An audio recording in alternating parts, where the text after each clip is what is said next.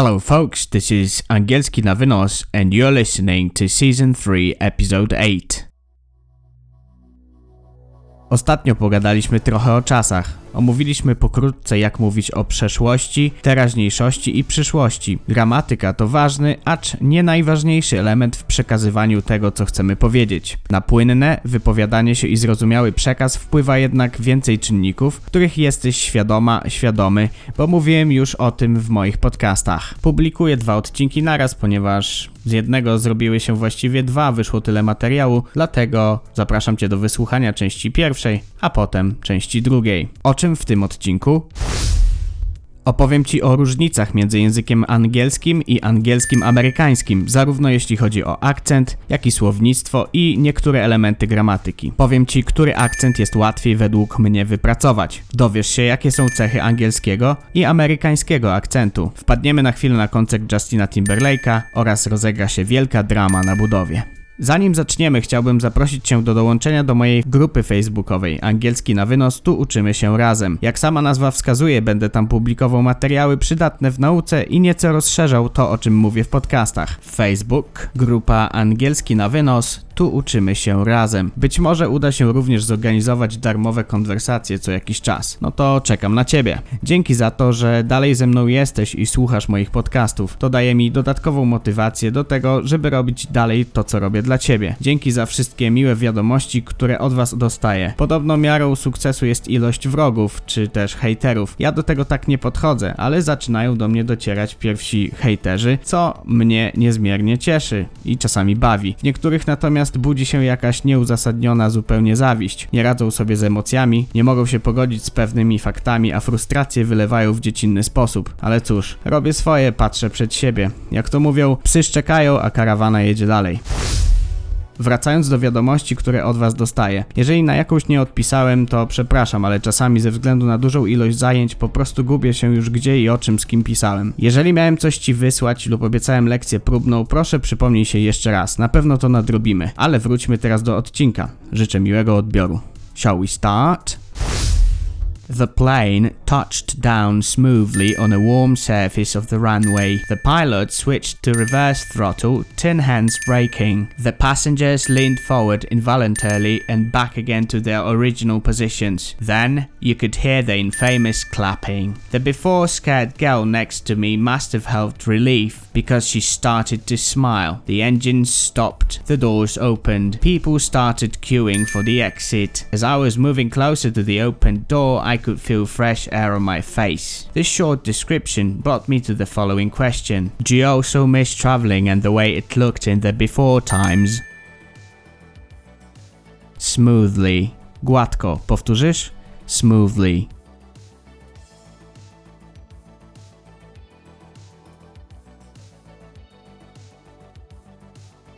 Surface. Powierzchnia. Surface. Powtórzysz?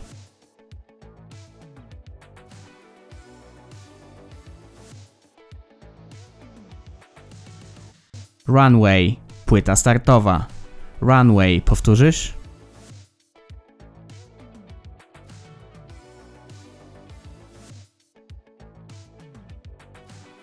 To switch to. Przełączyć się na. To switch to. Powtórzysz?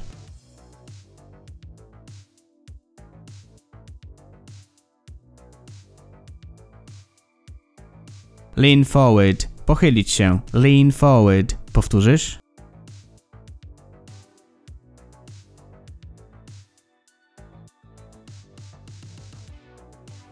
Involuntarily. Bezwiednie. Involuntarily. Powtórzysz?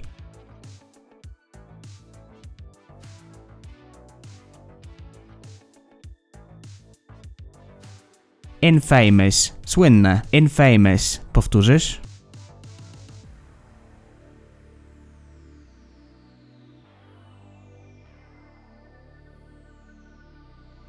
Clapping. Klaskanie. Clapping. Powtórzysz?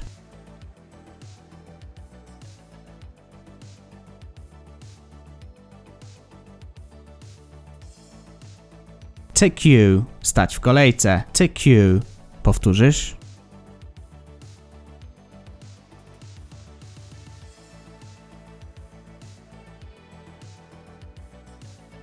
The before times. Czasy przed wiadomo czym. The before times. Powtórzysz?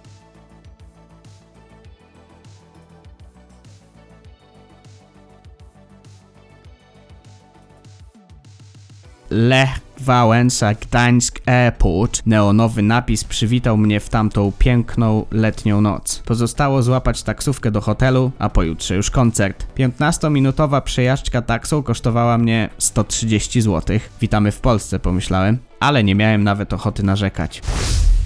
Rano odebrałem telefon od Big Bossa, który był wyraźnie wkurzony. Okazało się, że na miejscu była niezła afera z pracownikami. Miałem dowiedzieć się o tym po powrocie.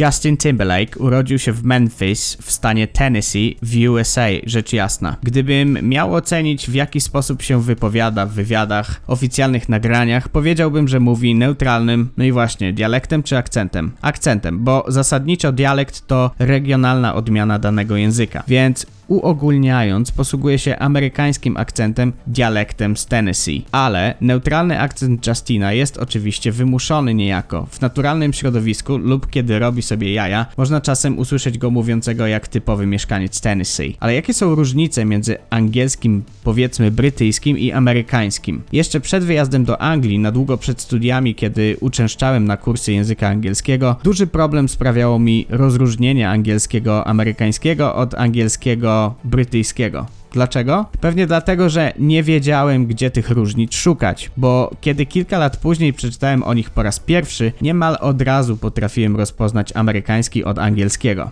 Różnice te znajdziemy w wymowie, zapisie i znaczeniu słów, a nawet w gramatyce, o czym już ostatnio wspominałem w, kontekście użycia present perfect i past simple. Przypomnę, że present perfect jest typowy dla języka angielskiego brytyjskiego, a past simple dla amerykańskiego. Oba te czasy są oczywiście używane w tych odmianach angielskiego, ale z większą częstotliwością wyżej wymienionej tendencji. Ok, więc gdzie szukać innych różnic? Przywołam tu jedną scenkę, którą zapamiętałem jeszcze z Southend. Kiedy przejechałem tam do pracy po raz kolejny już w czasie studiów, Darren, tak, ten, który był moim przybranym ojcem chrzestnym, bo przechścił mnie z Karola na Carlosa, zadał mi następujące pytania. Carlos, you're doing that English program course back at uni in Poland, yeah? Yeah, why?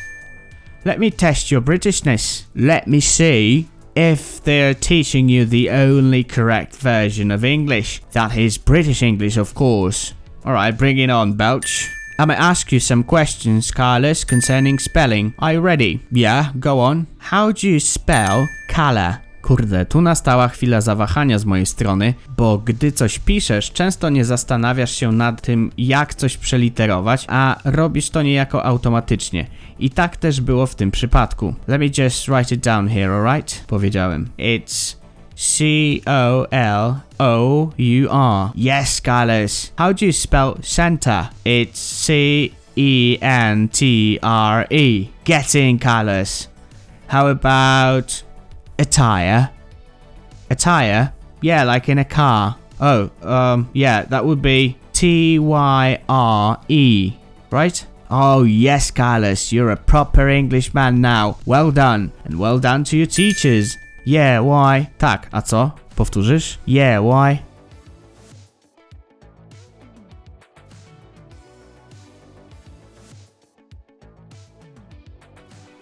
Let me see if. Sprawdzę tylko czy. Let me see if. Powtórzysz?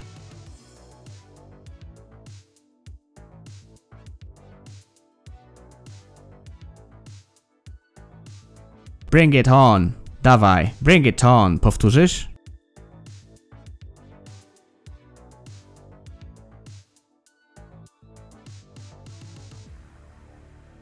Concerning. Dotyczący. Concerning. Powtórzysz?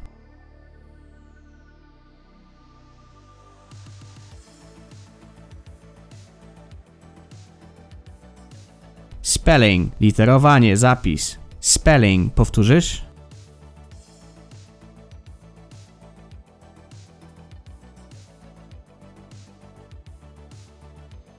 How do you spell that? Jak to się pisze? How do you spell that? Powtórzysz?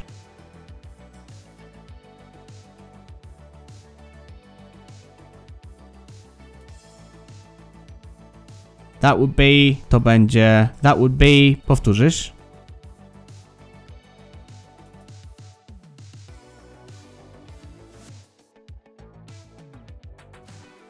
Well done to your teachers. Brawa dla twoich wykładowców. Well done to your teachers. Powtórzysz?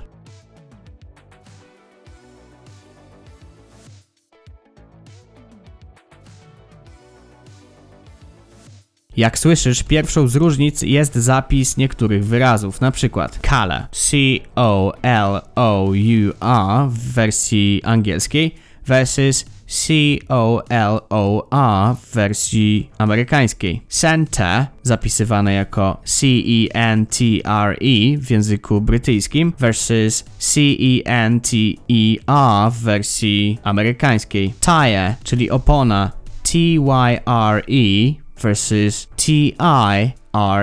Grey, czyli szary, G-R-E-Y w wersji angielskiej czy też brytyjskiej versus G-R-A-Y w wersji amerykańskiej, choć w amerykańskim spotykane są obie opcje. Kolejną istotną różnicą jest wymowa. Tutaj mamy różnice zarówno fundamentalne, jak i powiedzmy subtelne, zarówno w jednym dźwięku w wyrazie, jak i w kilku, ale o tym za chwilę. Let's get back to the main story, shall we? Koncert był spełnieniem marzenia, oderwaniem się od szarej, zapylonej, brudnej rzeczywistości Leicester. Jedynymi chyba miło wspominanymi momentami wtedy w Anglii były codzienne wizyty na basenie czy siłowni w kompleksie sportowym The Montfort University. Praca może nie przytłaczała, ale wypełniała głowę całkowicie. Niestety szybko trzeba było wracać. Samolot miałem późno w nocy, albo nawet wcześnie rano, dlatego z lotniska wsiadłem od razu do autobusu do Leicester i miałem pójść do pracy. Można powiedzieć, że powrót był brutalny, dosłownie i w przenośni. Na budowie zastałem Miniego, który człapał w swoim stylu po piętrach niemal bezszelestnie. Co chwilę pokazywał coś palcem pracownikom. Ciekawą technikę miał m.in. na projektowanie pomieszczeń. Plan budynku, który otrzymaliśmy z opóźnieniem na początku, okazał się bezużyteczny, ponieważ pomieszczenia projektowane były na nowo przy pomocy metrówki i kredy, którą rysował linie oznaczające ścianki działowe, zaznaczał odpływy kanalizacji, drzwi i umiejscowienie np. kabin prysznicowych.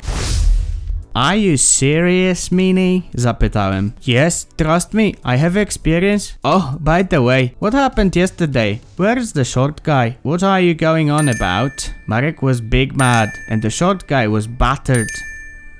No shit, like for real? Yes, Carl. I think he didn't turn up today. What are you going on about? O czym ty mówisz? What are you going on about? Powtórzysz?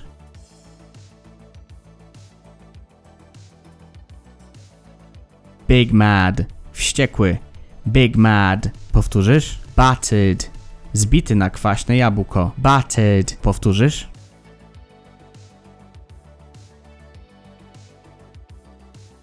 Like for real? Ale na serio? Like for real? Powtórzysz?